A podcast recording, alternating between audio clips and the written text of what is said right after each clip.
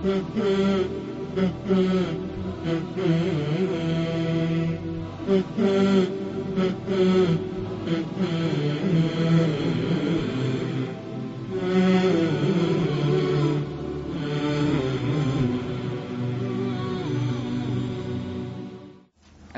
رب العالمين والصلاة والسلام على أشرف الأنبياء والمرسلين نبينا محمد وعلى آله وصحبه أجمعين بروفيسي هايزا إي نفاسا hajz znači menstruacija, nifas, postporodni period. Prva stvar, islamski učenjaci, znači svih mezheba, žestoko, žestoko, znači poglavlje hajza i nifasa je jedno od najtežih poglavlja. A ono u osnovi je lagano. Pa imate, razilaze se i govori kada žena tek može dobiti hajz. Jer je veoma bitno odrediti ako mi kažemo na osnovu dokaza, ako ima, Žena ne može prije desete godine dobiti hajz. Žena dobila u devetoj godini krvarinje, mi kažemo ne, ne, ništa se to ne broji, klanja i posti. Što znači ako postavimo granicu, sve što je ispod granice ne broji se. Isto tako, do kada žena može imati hajz? To su sve učinjaci govorili. Pa neki kažu ne može dobiti hajz prije 9, neki prije 10, neki kažu nakon 50 ne može dobiti više hajz, neki kažu nakon 45, nakon 60. A sve to jednostavno su njihov ičtiha želja da nam približe vjeru, ali to nema dokaza. Zato mi kažemo, onog momenta kada žena dobije krv, koja odgovara krvi hajza i nifasa, ona je, znači, dobila hajz. Ne gledajući na godine, ovo je veoma bitno zapamtiti, neka žena može dobiti hajz u devetoj godini, neka u desetoj, neka u trinaestoj. I mi, zašto da kažemo u trinaestoj šta će ona koja je dobila prije toga? Znači, kažemo, dobijanje hajda ili menstruacije i njegovo prestajanje nije vezano vremenski, nije ograničeno vremenski. Ovu rečenicu zapamtite i zapišite. Početak hajza i njegovo prestajanje u smislu prestajanje godišnji dob kad, kad žena prije napuni 50 godina 60 nije ograničeno vremenski. Što znači? Žena neka može u 50. godini dobiti hajzu a neka nakon 40. godine dobije klimac više nema. Znači vraća se pitanje na svaku ženu pojedinačno.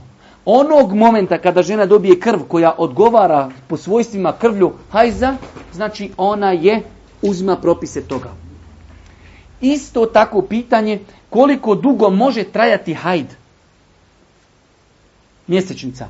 Ako ograničimo, primjer radi kažemo, hajz može trajati sedam dana. Što znači ako bi žena krvarila osmi dan, kažemo sedmi dan, nakon sedmog dana moraš se kupati. Krvarim još, ne interesuje, jer smo postavili granicu. I svi mezevi su postavili granice. Koliko minimalno može trajati? Dan. Što znači ako krvarim bude pola dana, ne broji se. I to nije tačno. Ne postoji granica ni za najkraći period ni hajza, ni, hajza, ni najduži. Može kod neke žene menstruacija biti pola dana. Kod neke može biti sat, većina žena imaju šest ili sedam dana, ali kod neki može biti deset dana. Zato kažemo opet, onog momenta kada žena dobije krv koja odgovara svojstvima hajza, ona je u hajzu. Kod neki će trajati mjese, eh, eh, dan, kod neki tri dana, kod neki pet, kod neki sedam dana. Znači nema ograničenja. Ovo su četiri veoma bitna pitanja. Godišnja dob, ne možemo ograničiti dob kada će žena dobiti, da bi time ograničili. Normalno, kada bi se to u širijetu postalo, to bi mnogo riješilo problema nekih. Ako bi rekli devet godina, sve što je prije devet krvarenja ne broji se. Ali ne može. Ne postoji dokaz. Isto tako, zadnje godine kada žena može prestati dobijati, nije ograničeno. Pitanje se vraća na svaku ženu. Koliko može trajati eh, hajz? Znači, nije ograničeno. Onog momenta kada krv dođe, uzima propise hajza. To je veoma bitno zapamtiti. Nakon toga dolazimo do pitanja šta žena ne smije činiti u periodu mjesečnice. To je najbitniji dio ovog poglavlja. Prva stvar jeste ne smije klanjati i postiti. Po konsenzusu islamskih učenjaka žena ne smije u periodu hajza i nifasa klanjati i postiti. Iz toga vidimo grešku onih žena koje jednostavno toliko voli islam i zaista ima takvih žena koje toliko voli islam i žena dobije hajz, ajde da kažemo, nakon što je zapostila u 9 sati dobije se kaže žao mi ja ću posti do kraja dana. Žena koja to radi ona je učinila haram. To što ti voliš islam to je ekstra, ali islam mora se praktikovati onako kako je onaj naređeno. Znači da, jest to velika ljubav, ja znam da ima tako žena, ali taj dan prvo je neispravan. Moraš ga napustiti i čak šta više žena koja tu radi uradila je haram. Isto tako žena koja bi svjesno klanjala namaz kao žao mi propusti namaz. Nema žao mi propustiti. Tebi je Allah stvorio te tako, stvorio te da jednom mjesečno dobivaš znači, menstruaciju i ne treba da, te, da ti je žao propustiti namaz. Znači, braću moja draga, po konsenzusu učenjaka ženi u periodu mjesečnice i nifasa je zabranjeno postiti i zabranjeno klanjati. To je generalan propis. S tim što kada se očisti, razlikuju se ove dvije, ova dva ibadeta u pogledu znači nadoknađivanja. Nama se po konsenzusu čemanjaka ne nadoknađuje post ako je žena u tom periodu bila u periodu Ramazana i bila od onih žena koje trebaju i postiti, e, post će napostiti. Znači, namaz ne treba naklanjavati po konsenzusu učenjaka, a post, ako je njen, znači taj period mjesečnice bio u mjesecu Ramazanu, treba post da naposti. Znači rekli smo prvo ne smije klanjati, ne smije postiti ako bi to radila, niti joj isprava namaz, niti ispravan post i uradila je nešto što je zabranjeno vjerom. To je jedna stvar. Druga stvar, post i namaz su tu u istom propisu, ali u pogledu naklanjavanja se razlikuju žena će, na, naklan, e, žena će napostiti post koji je propustila u periodu mjesečnici, a namaz neće naklanjavati. Dobro. Imate one opcije, u svakom slučaju, znači, samo na koje morate zapisivati. Žena da dobije mjesečnicu samo 5 minuta prije zalaska sunca, njen post je pokvaren. I ne treba da joj je žao. Normalno insanu je to žao u smislu prošlo, ali to je Allahova odredba. Njen post tog dana je pokvaren, treba da napusti taj dan, a nije griješna ni u kom slučaju, jer je to nešto što je Allah stvorio tako. Zato Boži poslanik kada je ušao kod Aiši, kad su bili na hađu, jedan hađ je Boži poslanik obavio i on je ušao kod Aiši, a Iša ona anha dobila hajz. I plakala. Zato što će taj, znači, ta stvar će ispriječiti od odlaska kod Kjabi, od, od, od, od nekih ibadita. Kaže Allah poslanik, zašto plaćeš zbog onoga što je Allah, uzvišen je Allah propisao svim potomcima ženskom, znači onaj dijela Adem alih selam. Svim ženama je propisan hajz. I znači tu je stvar, zato nekad žene ono ide Ramazan, piju tablete kako bi onaj izbjegle onaj mjesečnicu. To nije ispravno.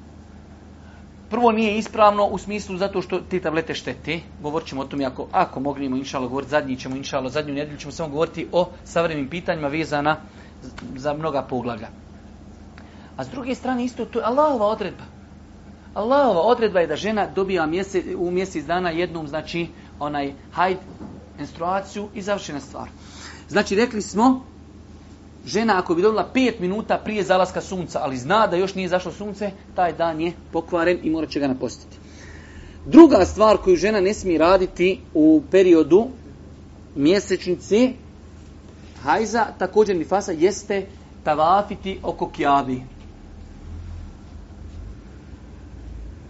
To je taj hadisa iše kada je Boži poslanik ju došao i pa joj je rekao if ali ma Alul hađ Radi sve što radi hađije. Osim nemoj ići dole tavaf toko oko kjabi. Idi na Arefat, idi na minu, idi bacaj kamenčiće, džemreta, sve živo obavljaj, samo nemoj ići kod kjabi i tavaf činiti, onaj kako se zove, tu je zabranjeno. Drug, treća stvar jeste da je zabranjeno spolno općiti sa ženom u periodu mjesečnici. To je treća stvar. Zabranjeno spolno općiti sa ženom u periodu mjesečnici.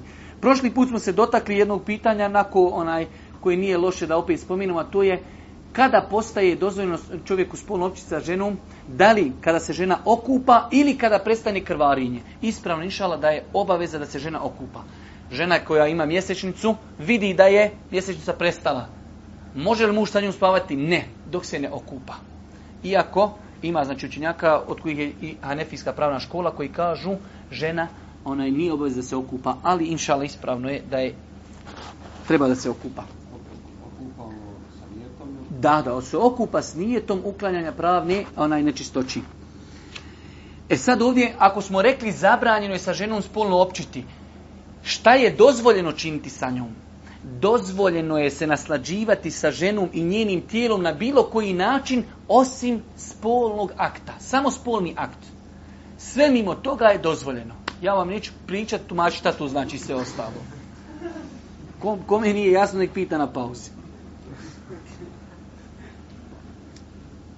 U svakom slučaju, znači, jer Boži poslanik kaže, činite sve, naslađujte se kako hoćete sa svojim ženama, osim spolnog odnosa. To su neki ugrubo propisi, a sad ima propis šta ako je čovjek mlad, ako je stariji čovjek, ako se boji, možda će u, u toku onaj mjesečnici, ako se bude plaho vrtio oko žene, možda će u letu upside i tako dalje. Možda se u letu upside, čak imate hadisa oko čije vjerodostojnosti postoji razilaženje šta je grijeh ili šta je iskup za čovjeka koji spolno sa ženom. Ja sam prošao koliko hoćete fetava gdje čovjek kaže, došlo mi do ovdje, Žena, ima žena, pobjegni, sakri se za vrata, on sjekiru razvali vrata i tamo ženu upati. To posto. Ne, no, ovo nisu bajke nikakve. E sad pitanje, da li postoji iskup? I ima hadisa oko čije vjerodostojnosti postoji jako razilaženje, Uglavnom ne bi da vas sad tu pa će misli da je to tolerantno. Ima i tri mezeba kažu nema iskupa nikakvog. Dok ima, znači Ambelijski pravi mezeb kaže da ima iskup pola zlatnika ili zlatnik, znači sodno u kojem periodu je čovjek spolno općio sa ženom, sodno hadisima, jer se propis vraća na vjerodostojnost hadisa. Oni koji kažu da je hadis vjerodostojan kažu ima iskup. Oni koji kažu hadis nije vjerodostojan kažu nema iskup, ali čovjek je počinio grijeh. Jer Allah Đelešanu je zabranio oko toga da li je počinio grijeh, nema razilaženja. Znači da neko ne bi pogrešno shvatio. Spolno općiti sa ženom u periodu mjesečnice je grijeh oko kojeg nema razilaženja je li grijeh. Pitanje samo jeste ko počini taj grijeh, ima li nešto što mora se iskupiti, platiti ili nema. A da je to grijeh i da se on od toga mora pokajati, to je znači pitanje po konsenzusu. Nadam se da ste me shvatili. Nakon toga, rekli smo znači u periodu e, mjesečnici sve je dopušteno osim spodnog akta. Također, nije dozvoljno ženi dati razvod u periodu mjesečnici. Imate vjerodostojni hadis u Buhari Muslimu da je Boži poslanik kada je čuda Abdullah ibn Omer razveo svoju ženu u periodu mjesečnice i naljutio se puno, pa mu je naredio da vrati svoju ženu. Imate, nije to puno za vas nešto bitno, ali kako prepoznati da je žena završila mjesečnicu? Ima i dva načina. Znači, neodređeni broj žena, kada završi krvarenje, nakon krvarenja iziđe bijela sluz, takozvani bijeli iscjedak. I te žene čekaju taj bijeli istjedak i tada se idu kupati. Drugi dio žena, jednostavno po prirodi su tako stvorene, nemaju taj bijeli istjedak već jednostavno prepoznaju završetak hajza ili nifasa po prestanku krvi. Tek, znači, po prestanku isticanja krvi. Onog momenta kada prestane krv i to sigurno prestane krv, a žene to znaju kako se provjerava, onaj, onda se žena kupa. To je nešto, braćo moja draga, kratko rezimirano za ono što nama treba ovdje u ovom poglavlju o hajzu i nifasu, znači vremenska ograničenja hajza i nifasa, šta žena ne smije činiti u hajzu i nifasu, šta je dozvoljno činiti sa ženom u, tom periodu i to su inšala neka, ajde da kažemo, najosnovnija pitanja vezana za ovu tematiku.